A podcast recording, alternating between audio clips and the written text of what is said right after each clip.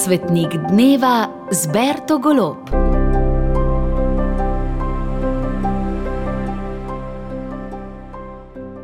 Neža, mučenka. Sveta neža goduje še sredi zime, vendar je že znanilka nekega obrata.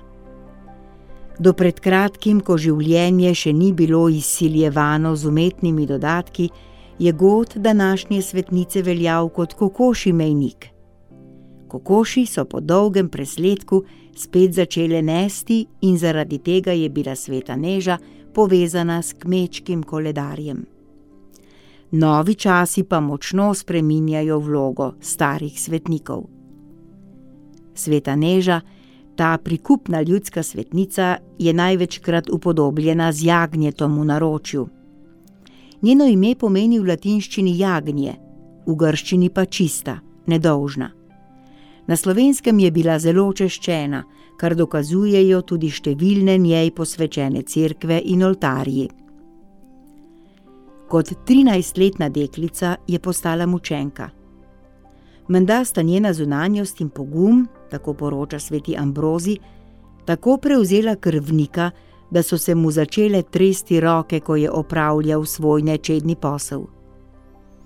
Bila je hči bogatih rimljanov in krščena že kot otrok.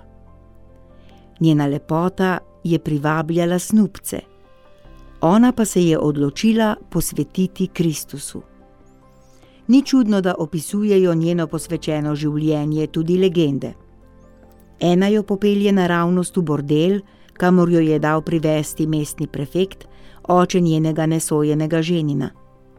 Vrstil se je čudež za čudežem, a na zadnje je neža omahnila pod mečem. Najverjetneje je umrla leta 304.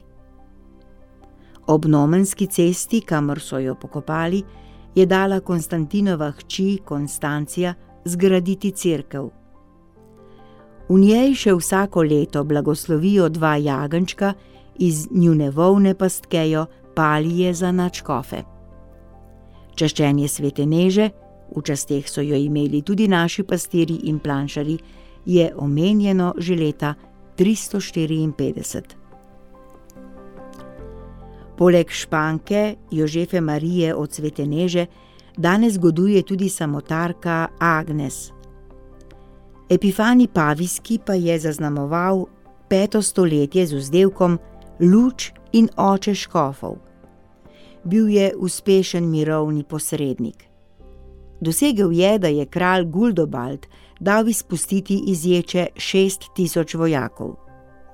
Zgovoren zgled tudi za današnje čase.